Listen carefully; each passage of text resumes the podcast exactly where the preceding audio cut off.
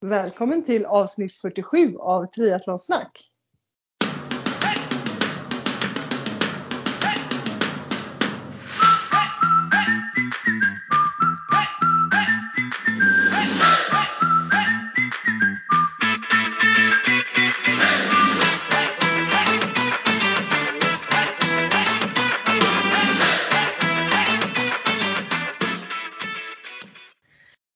Med mig Sofia Häger och med Therese Granelli. Vill du berätta vart du håller hus, Therese? Ja, jag står i en vallabod i Tänndalen. Alltid valla... på udda ställen. Ja, exakt, exakt. Alltid på, ja, på resande nya äventyr. och uh, nya äventyr. Ja. Precis, helt rätt. Eh, så att om ni undrar vad som låter i bakgrunden här så är det för att jag håller på att valla allas skidor. Det är typ min uppgift här i eh, Eh, på resan. Att alla ska ha bra glid och bra fäste. Men det är väldigt, jag som aldrig typ har åkt skidor, det är väldigt viktigt har jag förstått. Att valla ja, det, det är ju mycket roligare att åka om det, går, om det glider bra och eh, har bra fäste helt enkelt. Så det underlättar ju väldigt mycket. För, ja. Så eh, ja, nej men det, och jag tycker väl det är lite roligt så eh, det är väl rätt person att ställa här som har det gedigna skidintresset. Men eh, det tar sin tid kan man säga. Ja, man får ägna en kväll här. Och speciellt när man är sju pers och alla vill ha nyvallade skidor. Men hur ofta behöver man göra sånt då? Nej, alltså glidvalla som gör att man glider framåt, det behöver man inte göra så ofta. Alltså nej. det kan jag typ lägga en, eh, vad heter det, ja men typ inför tävling gör man ju alltid det. Men eh, för träning så nej, då gör jag inte det. Eh, men nu är en det så att... per skidsemester? Ja men, ja, men typ. typ. Ja. Eh, men fester bör man göra beroende på väder liksom. Så det bör man göra varje dag. Om man inte har vallningsfria. Eh, ja, okay. För det, så, så det, ja, det är helt enkelt eh, eh, olika snö. Har det nysnöat eller är det kallt eller varmt så är det olika fästen man ska lägga. Eh, ja, en, hel, där, en hel vetenskap. Ja, verkligen en hel vetenskap. Jag ser fram emot det. Jag vet att vi har inspelat i något poddavsnitt där du har lovat mig en ja. lektion med dig. Ja, exakt. Du, ska, du får bara komma till Skidom och åka lite. Det är, ja, men du, det är bara att ta sig ner till Göteborg så löser vi det vet du. Ja, när corona är lite Ja, exakt. Mm. Till alla lyssnare, det är bara att gå in på Skidoms hemsida och boka mig så kan ni få lite skidor om ni vill åka, lära er åka längd. Ja, ja. Ja, det... Har det hänt något annat eh, kul då sen sist?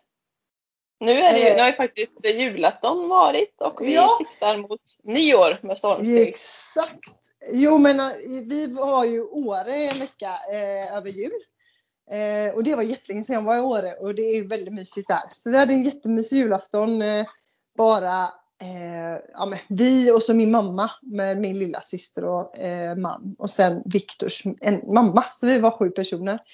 Eh, så vi en jättemysig julafton, åkte lite skidor utför på förmiddagen.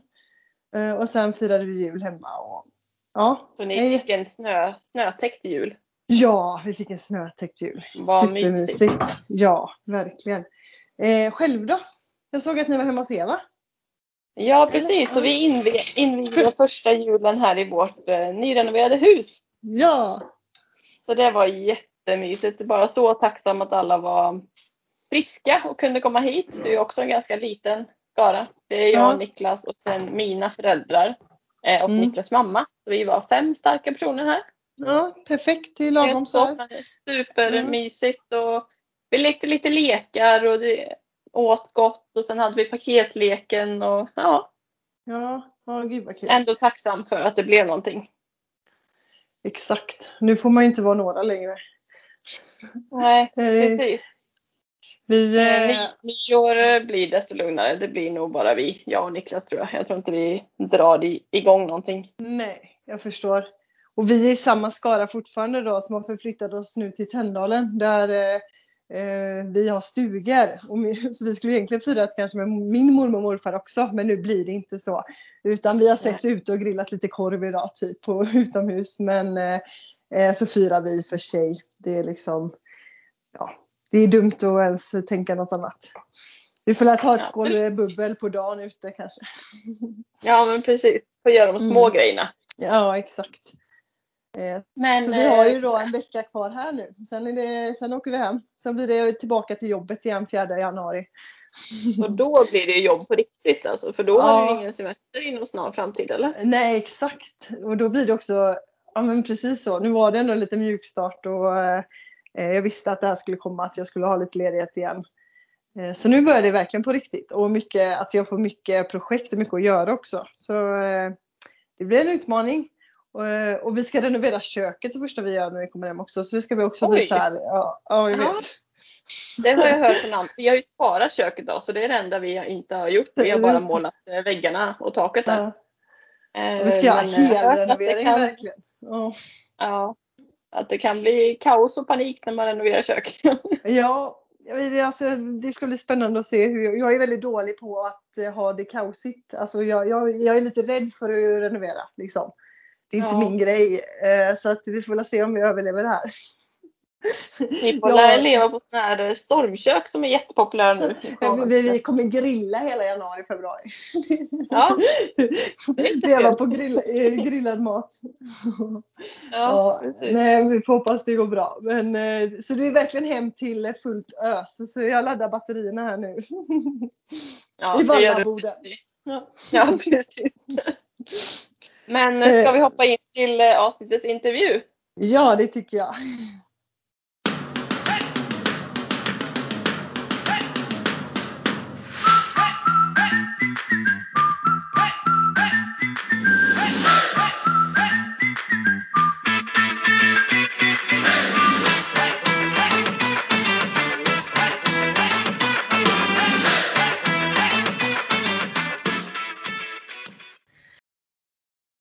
detta avsnitt ska vi intervjua grundaren av klädmärket Powerwoman. En kvinna som verkligen tar sig an utmaningar och ser glädjen i att prestera. Började springa sent i livet och har under de senaste åren tagit sig an extremlopp som Ö till Ö och Norseman Extreme Triathlon, vilket inte direkt är några lätta utmaningar. Och vi, har, vi, vi är väldigt intresserade av vad som gömmer sig bakom pannbenet på Anna, hur hon kommit dit hon är idag och hur det ser ut framåt. Så välkommen till Triathlonsnack Anna! Stort tack för att jag får vara med! Kan du börja med att själv beskriva lite vem du är? Ja, eh, det kan jag gärna göra. Rent så här yttre eh, ett epitet då, då så jag, som jag egentligen personligen är vansinnigt ointresserad av. Men jag är eh, 46, det brukar betyda någonting. Småbarn, eller ma mamma till två barn också. Eh, Gustav och Wilhelmina som är 13 och 15. Ehm, jag eh, är en väldigt kreativ själ. Eh, skapar mycket, både mat och målning och företag. Ehm, så jag har en väldig lust, livslust och en otrolig nyfikenhet eh, på världen. Eh, och sen är jag ju grundare då av varumärket Powerman, Team Powerman Athletic Club som är en idrottsförening och sen även en stiftelse som heter Powerman Foundation. Så det är väl lite om vad jag pysslar med. Men som vi sa i introt började du med eh, konditionsidrott senare i livet. Hur har det sett fram, eh, ut fram tills dess? Har du hållit på med någon annan idrott eller har det varit eller vad har varit dina hobbys? Alltså jag eh, gick ju på skolgympa som alla gör, eh, även upp i gymnasiet. Men efter gymnasiet så kom jag faktiskt in på Handels i Göteborg. Och eh, då vet jag att jag gick några så klasser på Step Up. Men nu ska man ju komma ihåg att det var 18 och jag är snart 48 så ni fattar ju länge, många år sedan det var. Eh, och jag hade ett gap där, där gick jag på lite så step klasser kommer jag ihåg. Men sen så sket jag i det för jag pluggade eh, ganska många olika saker samtidigt och var, tyckte det var väldigt roligt. Eh, och eh, efter det så tränade jag ingenting. Ehm, och så fick jag barn och jag startade min karriär här i Stockholm och var ute och reste ganska mycket i världen. Och eh, sen när jag eh, genomgick en lite större operation, ehm, vi har bröstcancer i släkten och jag gjorde en sån förebyggande operation och det var en ganska omtumlande sak och i den rehabiliteringen så ingick det att börja promenera och gå och få cirkulation då så att man inte fick blodproppar och så. Och då var jag 36 Eh, och eh, då började min karriär kan man säga och då gick jag och så till slut så började jag jogga lite grann. Gick och joggade. Så att min eh, idrottskarriär om man ska säga kom väldigt sent i livet. Det var ju då eh, kring 36. Ehm, så att jag är en färsking på idrott överhuvudtaget. Sen är jag ganska rörlig. Jag är, de som pratar med mig säger att jag bränner kalorier av att bara sitta still för jag gestikulerar och, och, och håller på. Så att jag är ju aktiv liksom i kroppen men eh, på sin höjd hade jag tagit några promenader med barnvagnen eh, innan dess. Så det, det är väl lite så det såg ut. Så det började var... ganska sent men blev ganska extremt ganska fort då? Ja, ja, och det var lite konstigt för det var liksom ingenting. Jag är väldigt nyfiken och det var inget mål och mening i att jag skulle bli extrem på något sätt utan jag som sagt, i allt det jag gör så är det liksom ett utforskande som är, är drivkraften. Och jag började då gå och så joggade jag och så gick jag och joggade och sen så joggade jag, kommer ihåg det nästan tog ett år innan jag kunde jogga sju kilometer i ett svep. Men jag hade liksom inte riktigt något sådär att jag tyckte att det var viktigt att springa från A till B utan jag var ganska nöjd. Men så tänkte jag vad händer kring milen? För milen hade man ju liksom ändå hört att det var en gräns.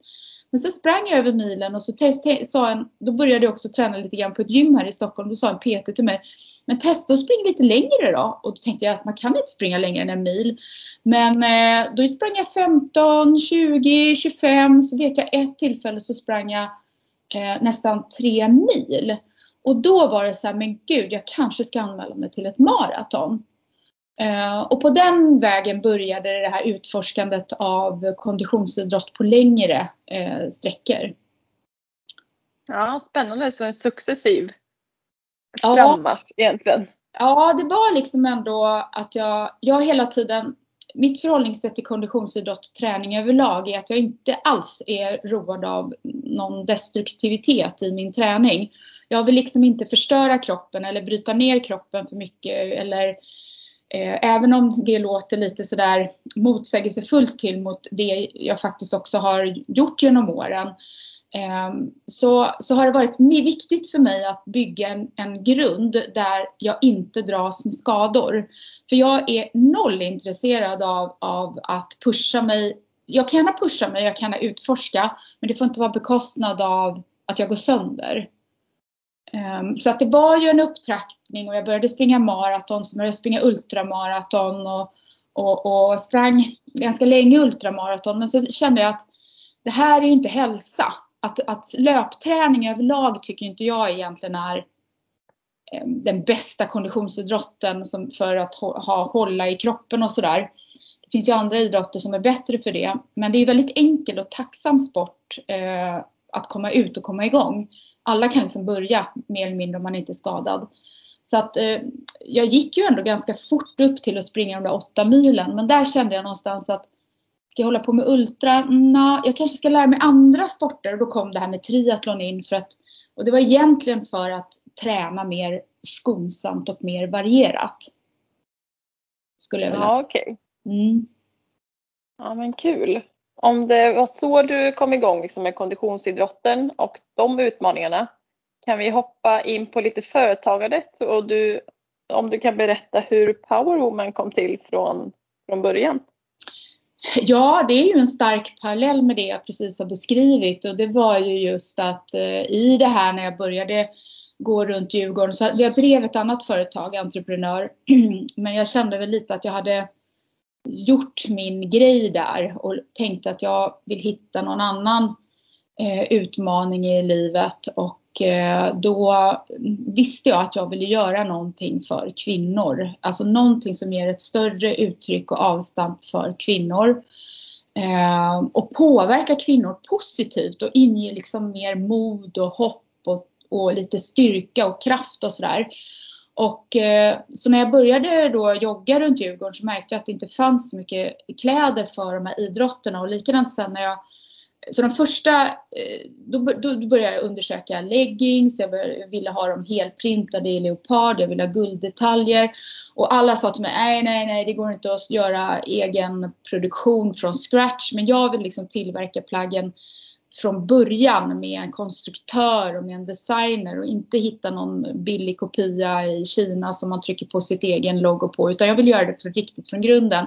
Och det var så mycket nej-sägare överallt men jag gav mig 17 på det och eh, hittade fabriker och jag hittade eh, personer som kunde hjälpa mig att rita plaggen och det tog ganska många år när jag i smyg höll på med det där för att det vet ju alla vi, vi som håller på med de här sporterna att det kräver ju ändå en del. Det kräver bra material, bra passform, eh, tyger som tål svett och klor och allt det här. Så att, eh, jag gav mig 17 på det och när jag började sen cykla så tyckte jag att det var så fula cykelkläder så jag tänkte det här kan man göra bättre, som jag simma.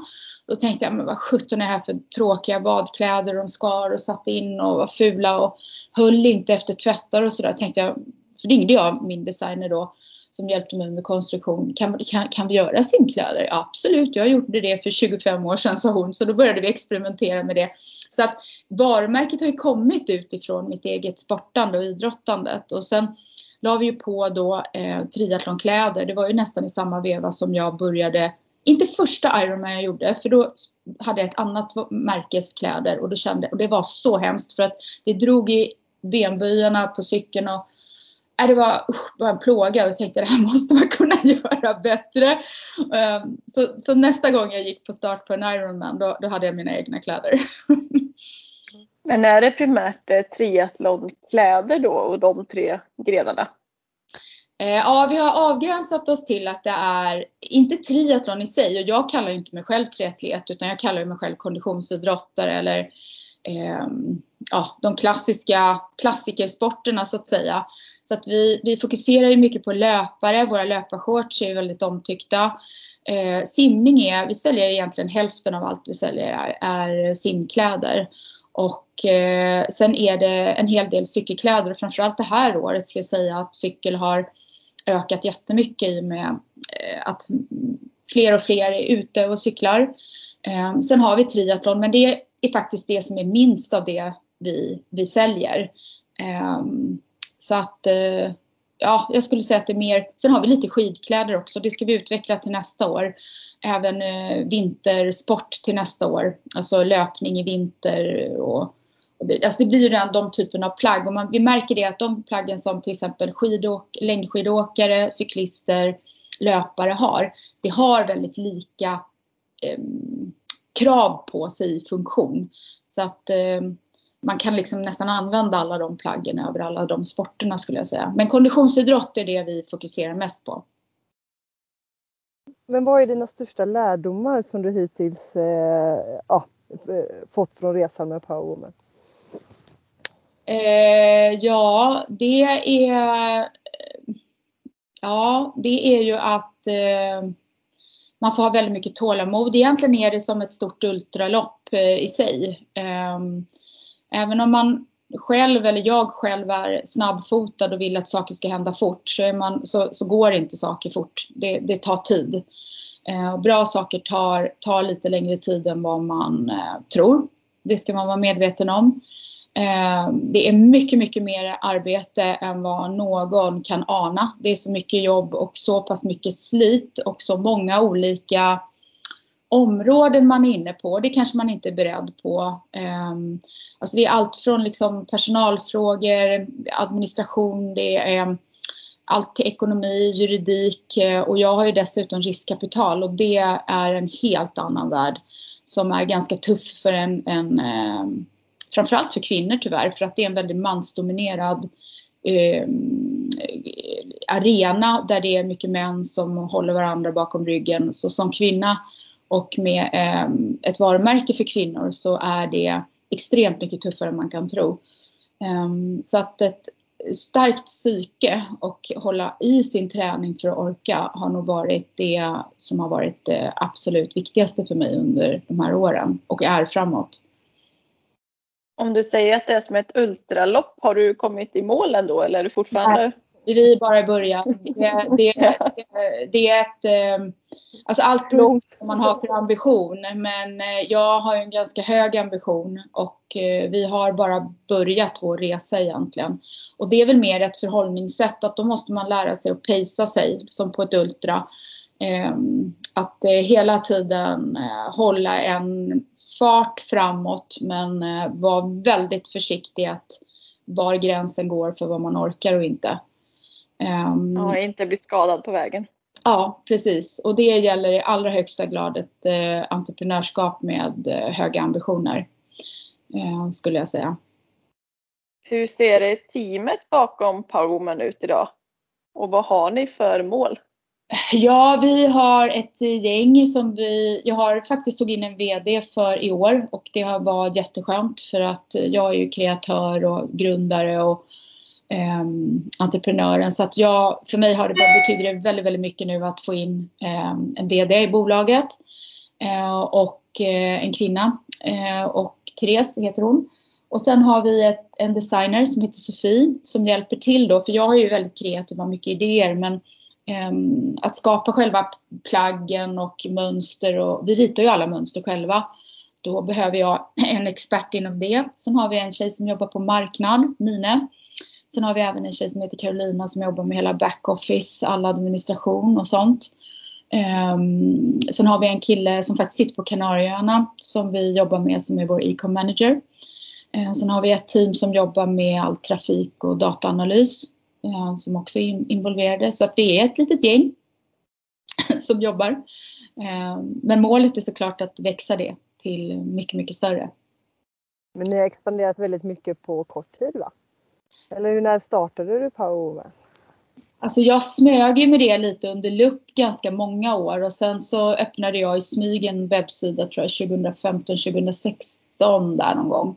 Men det var, då hade jag samtidigt heltidsjobb med mitt andra bolag så att jag drev det eh, med mycket personal och annat. Så att jag, det här var liksom lite min sidohobby. Eh, så inte förrän ungefär 2018-2019 så blev det här mitt heltidsjobb. Eh, så nu är det ungefär två år då som jag har drivit det här eh, på heltid kan man säga. Så att, eh, och det är bara början. Men hur urskiljer sig Powerwoman från andra träningsklädesmärken? Ja, vi har ju hittat en lucka som är ganska klar och tydlig och det är väl just inom de här eh, konditionsidrotterna. Ehm, traditionellt sett så är de utformade för män och det finns en del varumärken där jobbar med performanceidrott eh, ehm, för, män då. Men för kvinnor är det ganska tomt. Ehm, och det är den luckan vi tar. Vi ser att det finns många, många gymmärken eh, som har en helt annat fokus, en helt annan målgrupp. Eh, ofta lite yngre, lite billigare saker. Så att vi är ganska ensamma i vår nisch där vi riktar oss åt 25 till 65 åringar som är intresserade av konditionsidrott och då framförallt, det är bara kvinnor vi säljer till, men vi har faktiskt män som också börja snegla på våra saker för att de är så bra. Så det är lite bra betyg. ja men kul, bra att ni hittat er nisch där. Absolut, den håller vi stenhårt i. Så, så kläder som tål funktion och tål prestation. Eh, på riktigt. Och är snygga. Ja, det är ju det. De kan eh, traditionellt sett bli ganska fula eh, inom de här sporterna och det vill vi ju verkligen göra någonting åt. ja. Sen finns ju communityt som du nämnde lite i början där, Team Power Woman. Precis. Eh, som jag, jag faktiskt är ambassadör för, vilket är jättekul. Eh, men vill du berätta lite om hur det växte fram?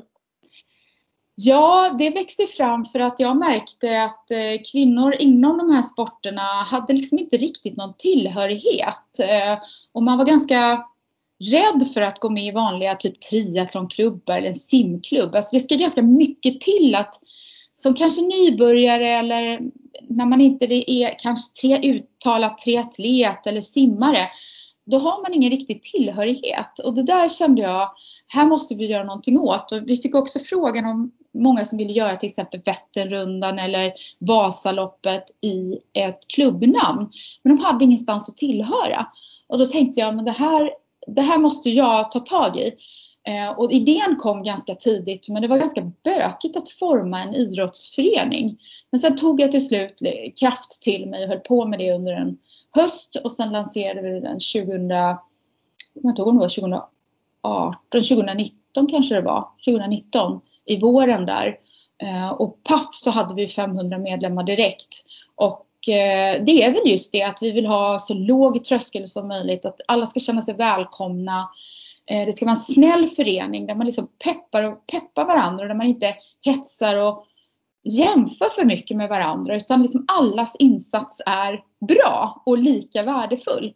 Och det kan jag tycka är så fint nu när man ser allt från de som första gången sitter på en cykel till proffs som är delaktiga i teamet. Och alla peppar varandra och det, det är så mycket kärlek i teamet. Um, så det, och det var verkligen mitt mål uh, med den. Det var kärlek för idrott, kärlek för sport och känna ett stöd. Och det ser man ju nu i Facebookgruppen att och nu alla nya ambassadörer som har kommit över hela landet. Nu tror de uppe i 15-16. Vi har fått eh, en ny ordförande och en styrelse som är helt fantastisk. Eh, som jag har nära, eh, nära dialog med hela tiden. Alltså det är, det är magi att se hur det communityt blommar. Eh, det är ren fröjd. Det är verkligen peppande ord från höger och vänster och överallt känner jag. Ja, det är, det är verkligen det. Och det är, alltså jag blir så glad för att det är det vi behöver. Man behöver inte liksom, jag vet inte, taskigheter. Utan människan mår bra av att få fina ord och pepp. Och, och det har vi verkligen lyckats skapa där. Det har vi ju även i Power men det genomsyrar ju allt. Och det är nog det jag är mest stolt över ska jag säga. Ehm, med varumärket. Att det är så inkluderande och så ehm, positivt. Ehm, så ja, det, det ska jag nog ändå säga. Men det räcker ju att på sig någon powerwoman-kläder när man kör något lopp så är man ju ett med alla som har det liksom. Man hejar ju på varandra utan att ha någon aning om vem man är. Ja, och det var ja, det är häftigt och det var det jag såg. Jag bara, men gud, vi, de, vi hejar på varandra.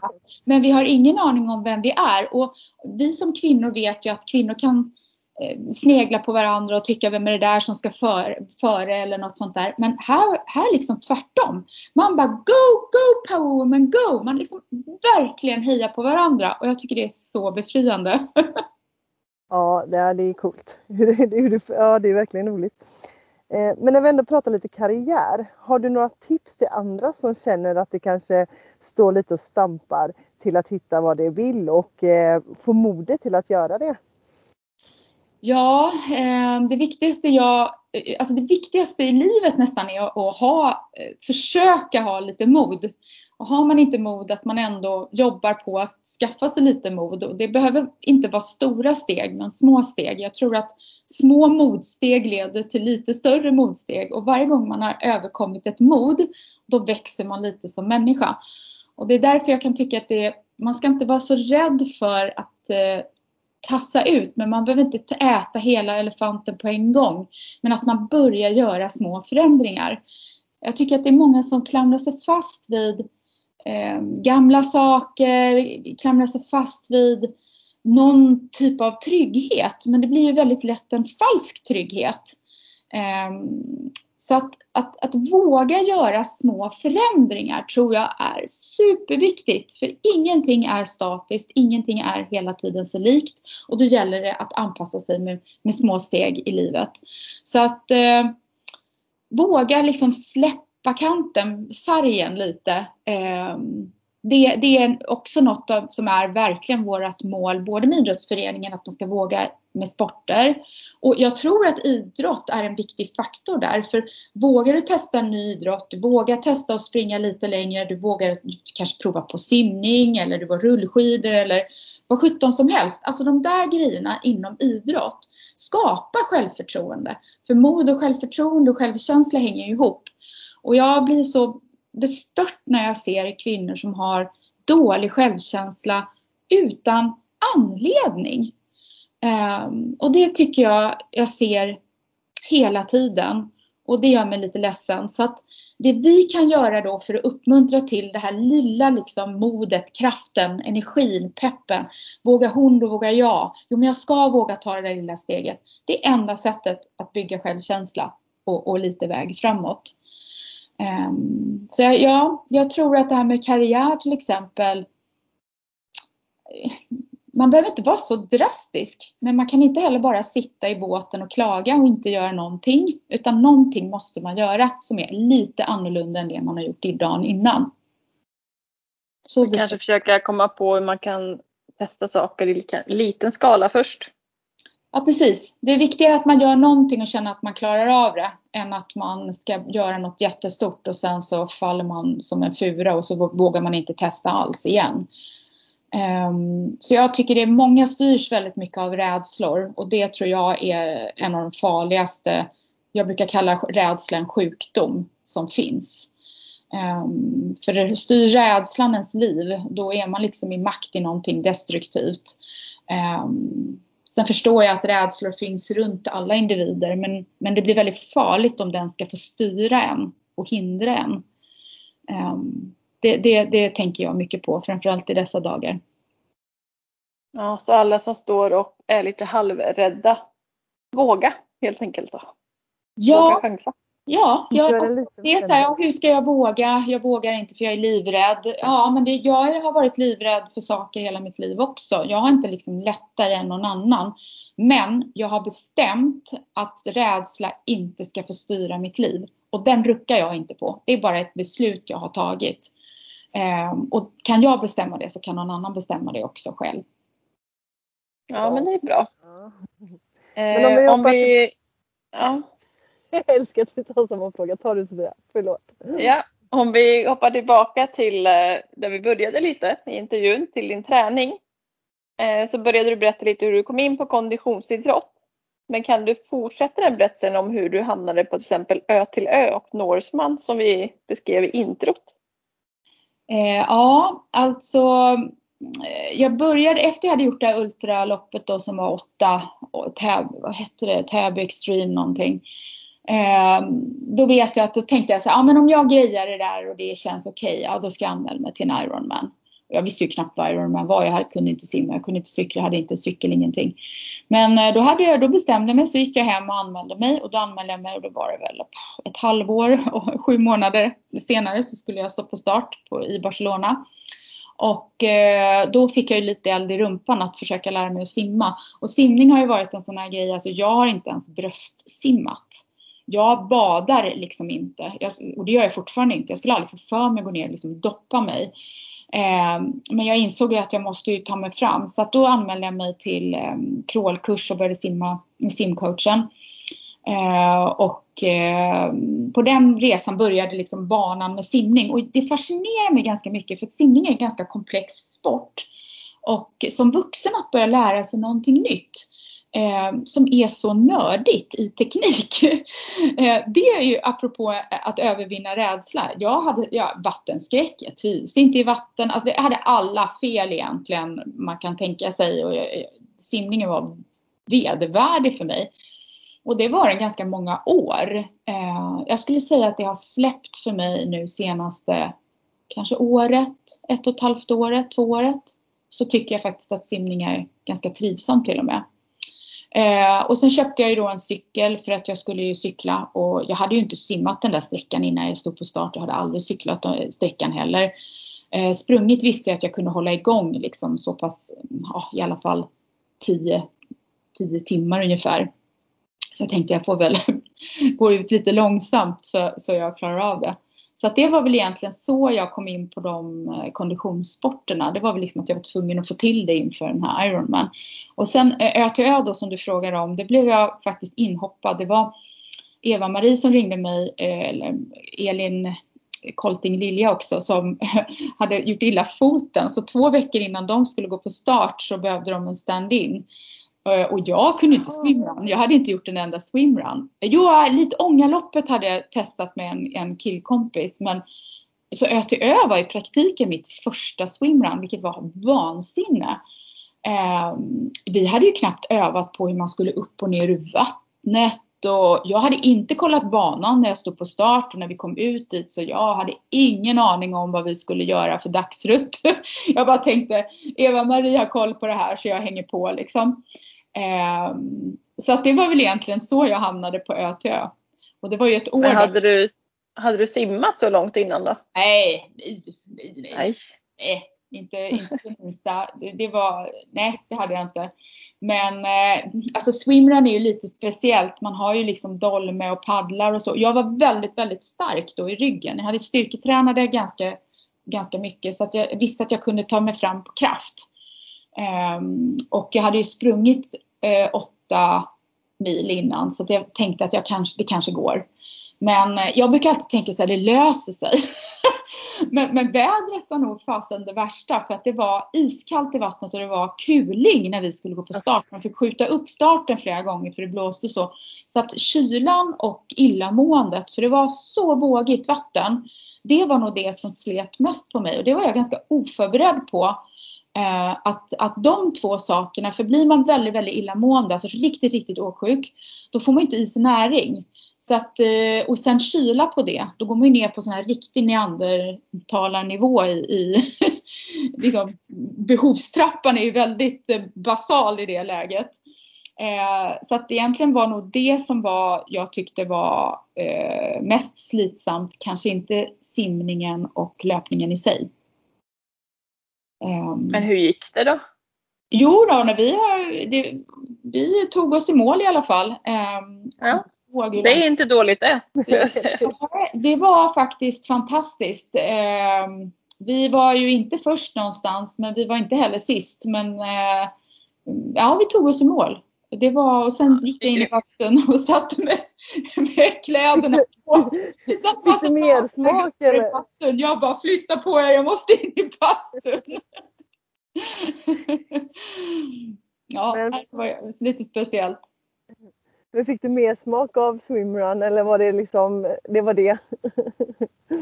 Nej, men jag kan tycka att det är en väldigt rolig sport. Alltså den är väldigt lekfull och eh, triathlon kan jag tycka är nästan lite sådär töntigt eh, petimeter. Alltså det är så himla mätt och du vet alla med sina klockor och grejer. Swimrun är ju mycket mera en vilda. Statistik och prylar i triathlon.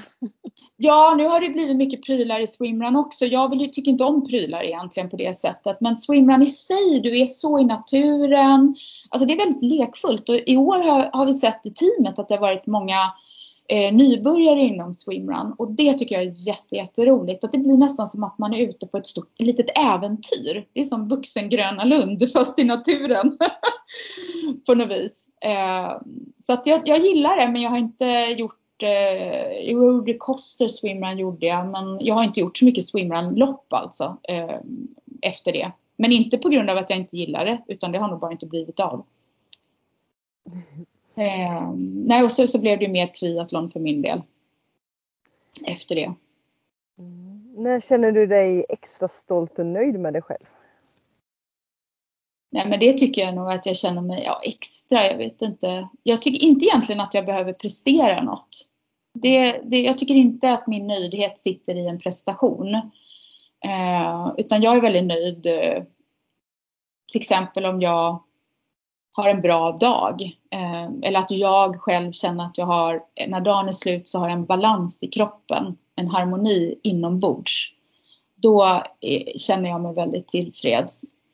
Ehm, så för mig är egentligen det viktigare än att jag ska göra en massa bra saker eller nyttiga grejer. Ehm, så När känner du dig tillfreds då? Eh, jag försöker känna mig tillfreds eh, varje dag. Eh, I, för mig är just den balansen mellan det mentala och det fysiska ehm, i min person på något sätt. Och det, det försöker jag nog ändå uppnå varje dag. Um, och det tycker jag att jag lyckas med också. Men det är också lite arbete. Det är ingenting som kommer liksom flygande in i en utan att det kräver ju att man håller i sin träning till exempel, att man sköter sin kropp och inte på att man måste prestera men att man liksom är aktiv och för kroppen behöver röra på sig. Men lika väl som kroppen behöver röra på sig så behöver man ju jobba med sitt eh, huvud och sin inställning, eh, sitt psyke och det jobbar jag lika mycket en timme om dagen om jag tränar så, så lägger jag ner den tiden på, på min mentala eh, träning. Mm.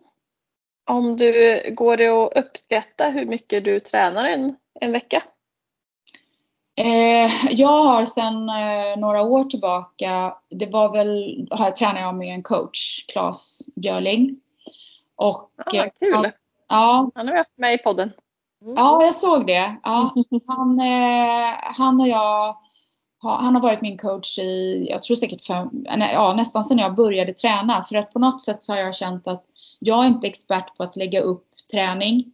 Och jag vet inte hur man optimerar det och hur, jag vet inte heller liksom hur man, var är balansen i träningen. Eh, och det är ju han expert på och nu efter så här många år så vet han han lägger upp den beroende på om jag till exempel har ett mål. När jag gjorde Norseman då följde jag bara hans träning. Jag ifrågasatte ingenting. Jag gjorde allt som han sa att jag skulle träna och då visste jag att går jag på start så är jag förberedd.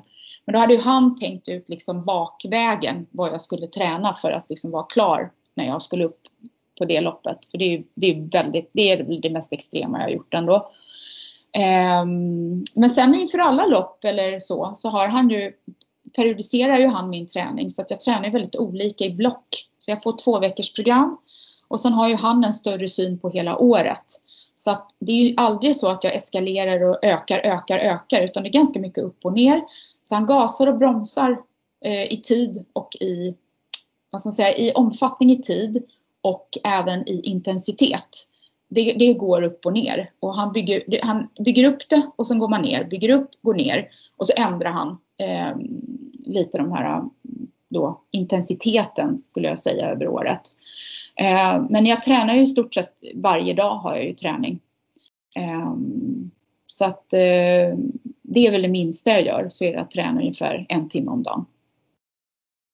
Och då uppdelat egentligen på simning, löpning.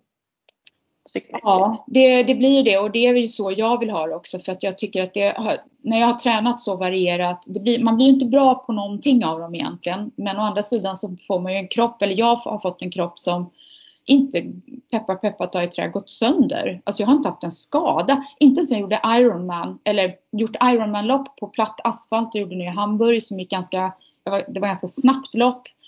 Eh, alltså var helt skadefri igenom den. Eh, Norseman hade inga skador, var, kunde börja så smått cirkulera, träna liksom bara någon dag efteråt. Jag blir liksom aldrig förkyld efter en maraton eller, eh, eller ett lopp och det tyder på att vi har lyckats bygga upp liksom en kropp som har immunförsvaret håller sig uppe och eh, muskulaturen håller sig uppe. Och, eh, han är ju ganska mycket förespråkare för styrketräning för triatleter.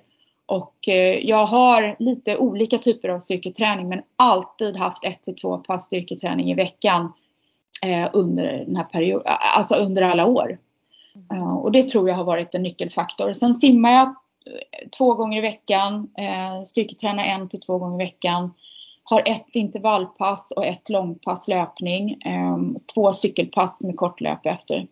Så det är ungefär så det alltid ser ut. Om det inte är något speciellt då. Mm, det är några timmar ändå för minst sju och så uppåt helt enkelt. ja det är det ju absolut. Det skulle kanske, ja det blir det kanske tio timmar. Sen gör ju jag väldigt mycket qigong. Eh, det vet ju ingen att jag håller på med. Men det gör jag ju minst en halvtimme varje dag. Och det är ju ingen träning men det är ju eh, typ av rörelse. Så att eh, det är många bitar som ska med för att helheten ska ihop. Som jag brukar säga. Ja, du känns verkligen som en frisk fläkt med mycket energi.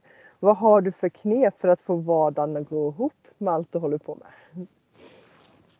Eh, ja, ja, det finns en, Deepak Chopra brukar säga så här, achieve, less, achieve more by doing less. Och eh, jag tror inte att det är att jag gör mindre träning, men alltså jämfört med många som tränar triathlon och triatleter så tränar jag ganska lite. Jag menar, jag har ju inga långa cykelpass. Jag har ju inga egentligen jättelånga löppass heller.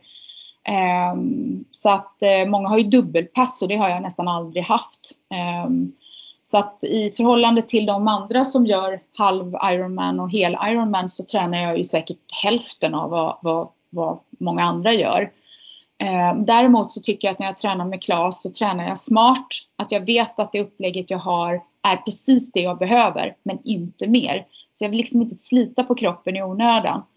Eh, och det gäller väl liksom allt. Att äta bra. Jag håller inte på att mixtra med mat heller. Aldrig gjort. Utan äter ganska mycket och varierat. Och sen sover jag som en stock. Jag sover mycket. Ehm, men eh, att när jag väl gör någonting, då vill jag liksom göra det bra, ordentligt. Men att inte försöka springa runt och göra allting på en gång. Utan eh, försöka göra färre saker men göra dem med lite bättre kvalitet. Och då blir det liksom inte att man far runt och är här och där och duttar och grejer. Utan när jag gör en grej, då gör jag den grejen. Um, så att uh, det är väl mitt uh, tips. Att inte liksom vara som en skollad råtta överallt. För då blir man väldigt fort uh, utbränd tror jag. Utan mer så att fokusera på det du verkligen håller på med. Och gör det bra. Ja, jag, Tolkar jag dig rätt då? Ja, jag, jag, fokuserar på det jag gör och då stänger jag ganska mycket av allting runt omkring. Då finns inte ens det i min värld. Så att eh, då, då är jag liksom inne i den grejen. Um, och sen gör inte jag saker, försöker inte göra saker som, jag inte, som egentligen är onödiga. Jag upplever att många håller på, eller i alla fall jag vill inte hålla på och göra grejer lite halvdant här och där. Då, då låter jag hellre bli. Um, så att um, sen är det ju det att jag väljer bort väldigt mycket. Jag tittar nästan aldrig på TV, jag läser mina böcker, jag gör mina jag är väldigt disciplinerad ändå i min träning. Jag menar jag har min träning, jag har inte missat en enda dag på min träning i, på, ja, ända sedan jag började med KLAS. Eh, och jag gör min meditation, det är varje dag. Eh, jag gör min qigong, den gör jag varje dag. Ehm, jag läser mina böcker, det gör jag varje dag. Ehm, jag gör mitt jobb, det gör jag varje dag. Oavsett om det är lördag eller söndag. Så att jag har liksom ändå en struktur. Men sen vilar jag mycket i det också. Så när jag gör en grej då lägger jag bort allt annat. Ehm, då, då tänker jag inte ens på det andra. Utan då är jag bara i den saken. Ja, nu har du rabblat upp några, ja, några saker här. Men om jag ska hoppa in på nästa fråga ehm, vad gör du egentligen på daglig basis för att må lite bättre? Vad liksom unnar du dig själv eller vad vet du att du mår bra av som du gör? Eh, det jag mår bra av är att vara ganska mycket själv. Eh, jag får inte energi av att vara med andra människor utan jag laddar min energi av att vara själv. Ehm, så jag genererar jättemycket energi ehm, av att ha tyst runt mig ehm, stillhet. Så att jag söker mig varje dag till stillhet. Jag vill inte bli påverkad av för mycket brus utifrån. Jag försöker hålla eh, mycket intryck som kommer utifrån. Om det inte är naturen och Eh, intryck från att läsa en bok och så, det kan jag välkomna in. Men jag försöker att hålla intryck från annat långt, så långt bort jag kan ifrån mig. Så att eh, för att jag mår lite bättre så eh, är mitt, mitt råd, till, eller som jag i alla fall håller mig på banan. Det är ett att hålla igång i träningen, inte hitta ursäkter utan faktiskt göra den. Och den behöver inte vara hård eller lång men att det är någonting. Det kan vara en promenad i alla fall. Eh, och eh, sen är det nog mitt att jag får min tid för mig själv. Skulle jag säga. I stillhet. Det är absolut det som, där jag hämtar mest, i tystheten och stillheten hämtar jag mest energi.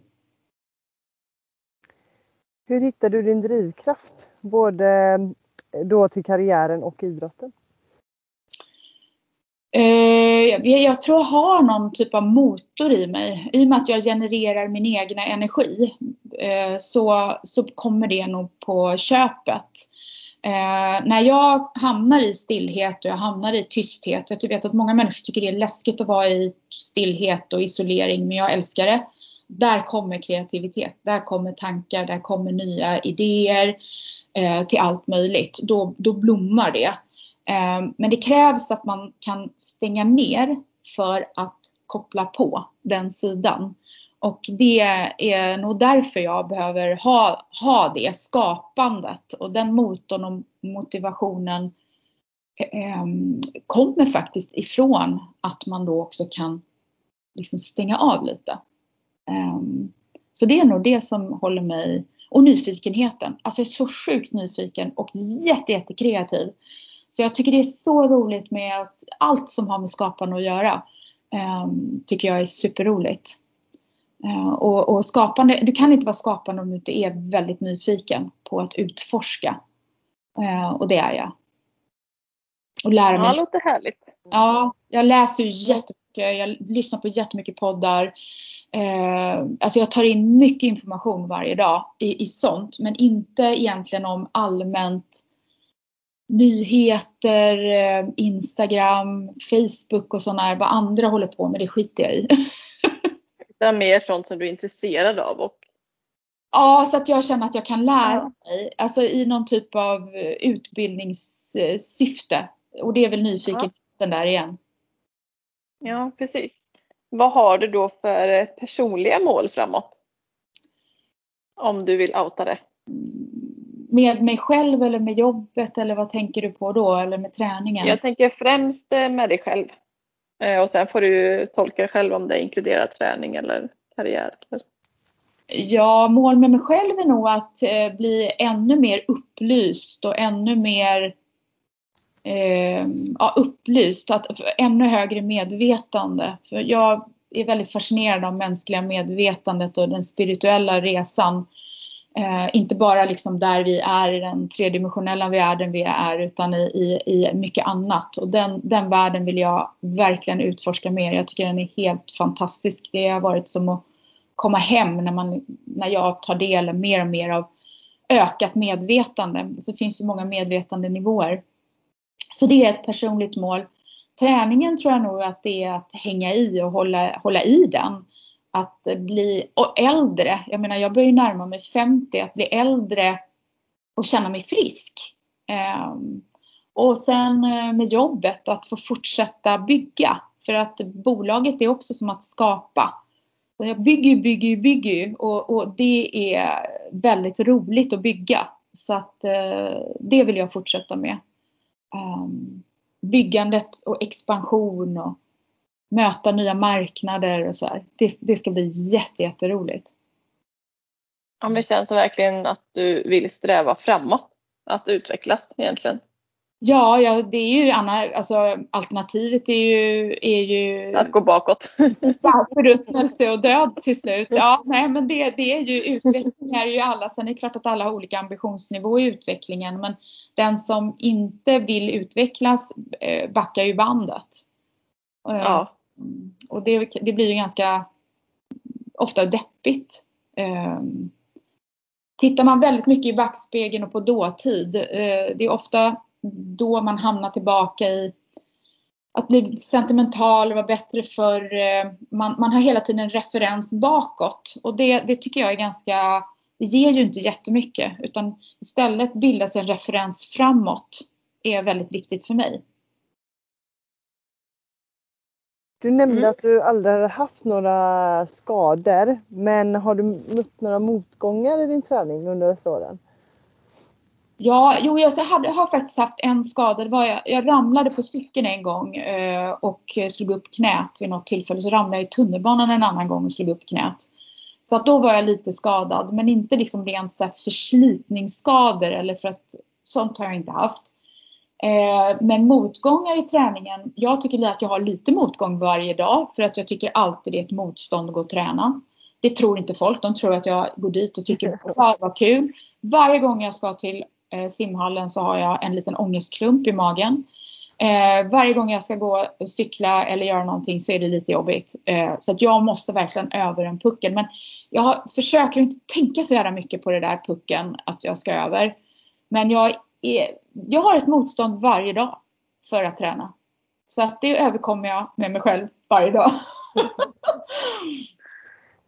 så hur tar du dig an motgångar då? Hur kommer du över tröskeln liksom? Ja men alltså är man entreprenör så har du motgångar var och varannan dag. Du får en käftsmäll liksom från höger och vänster helt oförberedd. Och det, det liksom blir till slut ett förhållningssätt att man kan inte göra det. Vi pratade, pratade om det med Therese att många har som en förstoringsteori. De förstorar kaosteori-tänk. Vi försöker nog ha en mer förminskningsteori då. Att man liksom inte förstorar problematik. Eh, utan att man, eller att jag i alla fall, jag, jag vet inte, motgångar kommer och går. Alltså det är, Likaväl som man kan ju aldrig tro att någonting alltid är konstant bra. Det ingår ju att det går upp och ner. Och ju mer man bara kan följa med i de där böljorna, desto lättare blir det. Och att man inser att motgång är ju också, är ju kanske en nedgång. Alltså att det går emot dig betyder ju ofta att vänta nu, nu är det någonting här som, det är något annat som väntar runt hörnan. Det är meningen att det här ska vara en motgång för att det är en länk i ett större sammanhang. Så att jag brukar liksom inte riktigt se motgångar som motgångar.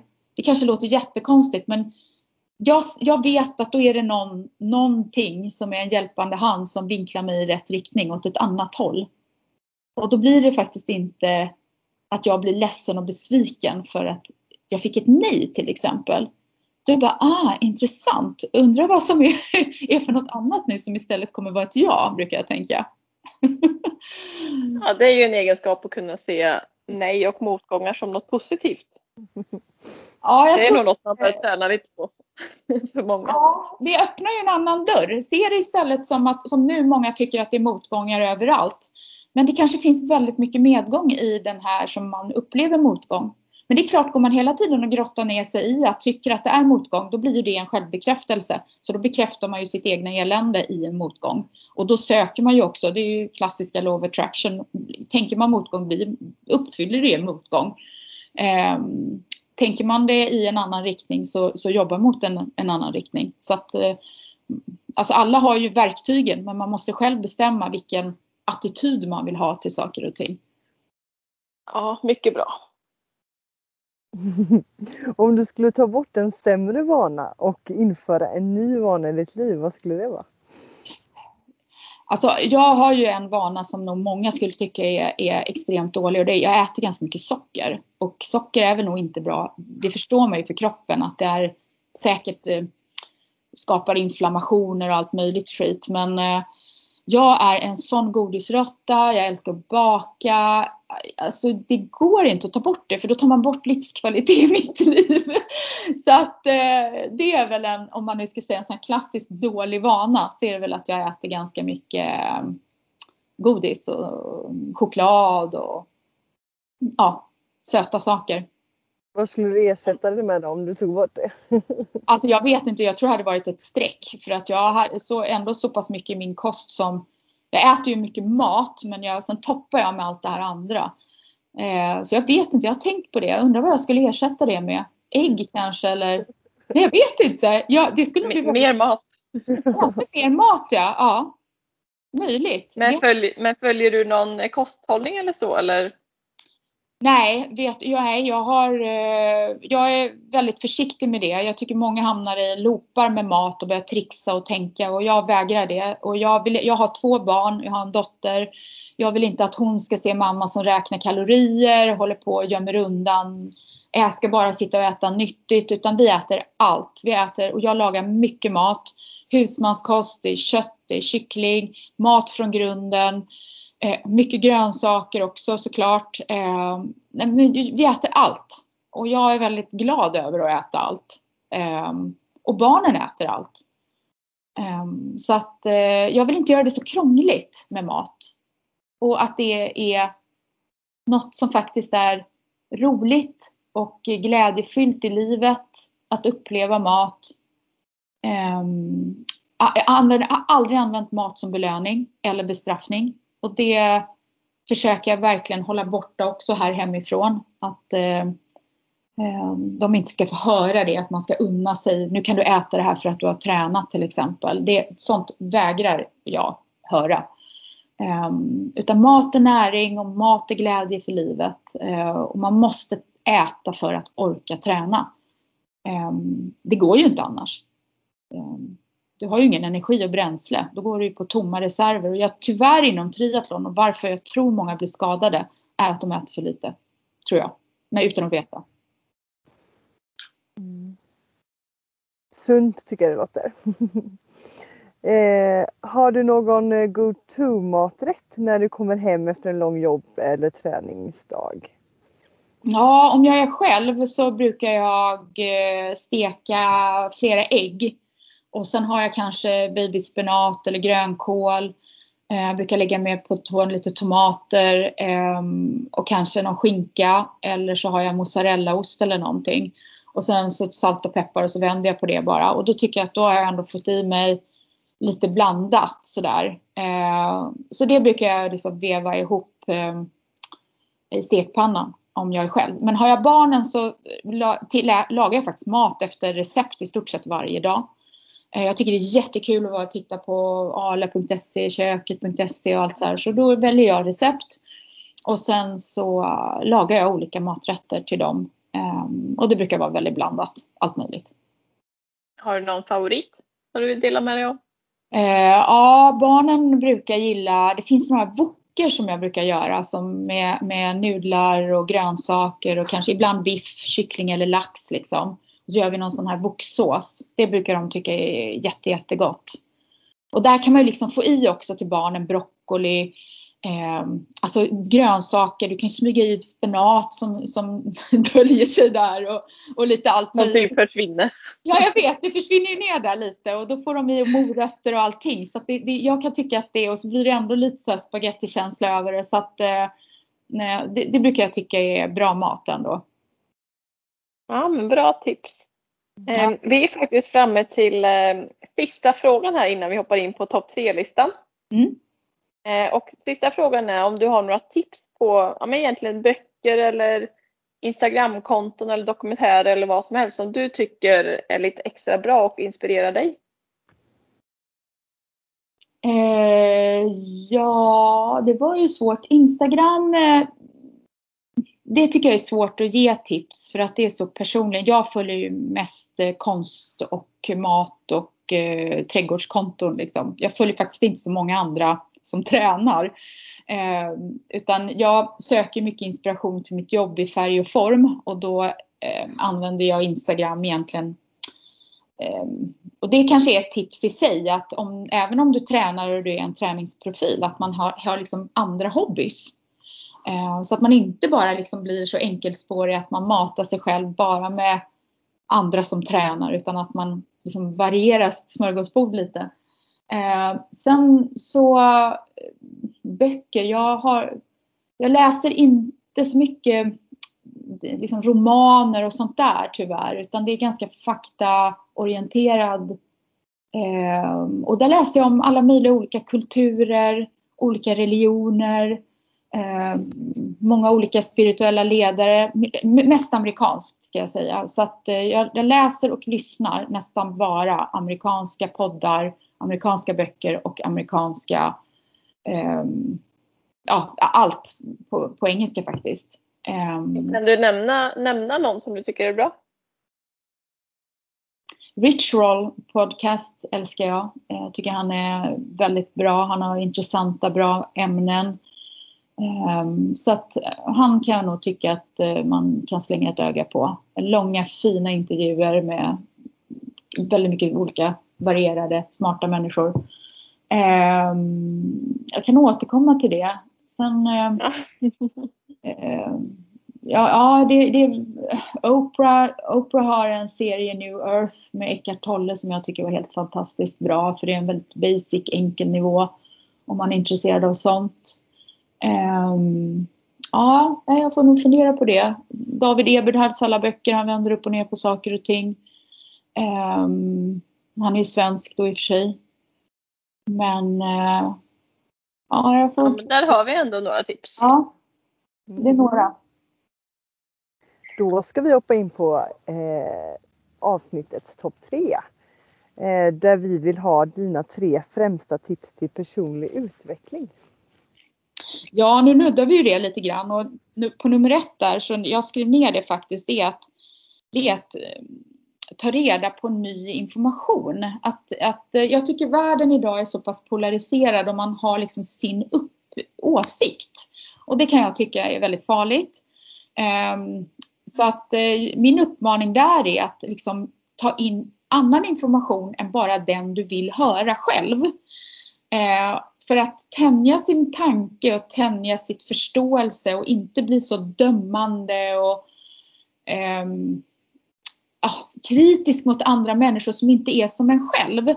Så, så tycker jag att det är viktigt att, att lyssna och läsa sånt som kanske är precis motsatt vad man egentligen själv tycker och tänker. Bara för att tänja tanken. Annars så blir det väldigt lätt att vi går i våra polariserade korridorer och sen tycker man illa och pekar finger åt dem där borta. Och jag tror inte att på något sätt att det är vägen fram för världen. Så att ta in, eh, och gärna liksom sådana som kanske har lite svåra ämnen. Jag läser ju mycket filosofi och filoso lyssnar på filosofiska eh, podcast och, och, och, de här spirituella podcasten och det vänder ju upp och ner på hela ens tankesätt. Så varför inte, min uppmaning där blir att utmana utmana sig själv lite grann i, i de poddar och litteratur och allt det man tar in information. Så att det inte blir bara en kanal. Det blir väldigt eh, icke alltså, ja, det blir väldigt onyanserat sätt att, att, att, att tänka och jag tror det är lite farligt. Eh, sen tror jag nummer två, det är ju så här som vi var inne på, att stilla sin tanke. Jag upplever att det är många som spinner på i ett brus och jag brukar säga till mina barn att eh, lär er att få stillhet i era huvuden. Att inte hela tiden konstant behöva ha input och intryck. Utan lär er att ha helt tyst i ert huvud och varva ner och koppla bort och koppla ifrån. För att det är nyckeln till frihet och nyckeln till allt möjligt eh, eh framåt. Välmående framför allt. Och om man nu tänker på rädslor och stress så tror jag eh, att den största eh, effekten att bli mer mottag, motståndskraftig mot stress är att lära sig stilla sitt huvud. Så att eh, mitt tips där är att lära sig att stilla tanken via till exempel meditationer eller något annat. Eh, sen att den tredje är att eh, där är vi, var vi också lite inne på att inte vara så fokuserad på det som är givet och det som var förr eller dåtid. Att liksom leva på preferenser bakåt i tiden. Jag upplever att många går och klagar på saker, hur det är, men vad är, hur är det man vill ha? Och där tycker jag att det är skolan också, samhället i stort är ganska dåliga på att ge uppmaningar framåt. Att skapa ditt egna liv, skapa dit du vill man, man hackar gärna ner på att titta mycket bakåt och klaga på att du gjorde så här och så här. Eller på barn, nej gör inte så. Istället för att säga, okej, okay, hur kan vi göra istället framåt? Så att den här framåtsynen eh, i att skapa sin framtid, den tror jag är superviktig. Eh, jag tror att det blir mycket roligare och mer positivt att leva om man ser glädjen i det som ska komma istället för att älta det som har varit. Så det är väl mina topp tre då. då. ja, det är bra. Det blir nästan som en liten sammanfattning. Ja, precis. Men varje dag är man ju en ny dag och varje dag så har man en ny chans att göra någonting nytt. Och man är ju egentligen en ny människa varje dag. Även om många tror att de är samma människa varje dag. Mm. Men då lever man väldigt mycket bakåt. Så att eh, ja, Skapa din Ja men härligt. Mm. Härlig inställning tycker jag.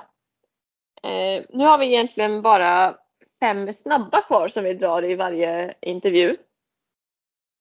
Eh, har du någonting du vill lägga till innan vi går in på den? Nej, vi kör. Vi kör. Eh, och du kanske redan vet men det, du får två alternativ. Ska du välja det ena eller andra egentligen utan att tänka för mycket? Yes. Eh, är du beredd? Ja. Yes. Första är träna med eller utan musik? Utan. Träna på tidig morgon eller sen kväll? Och jag är tidlös, men eh, tidig morgon då. Mm. Sprint eller olympisk distans? Olympisk. Skavsår eller håll? Håll. Varma eller kalla förhållanden under tävling? Kallt. Mm. Tidslös alltså? Vill du utveckla vad du menar med att du är tidslös? Eh, Nej, men jag är inte så tidsfokuserad överlag i mitt liv så. Jag har, man har, ja. Alltså, du går på feeling?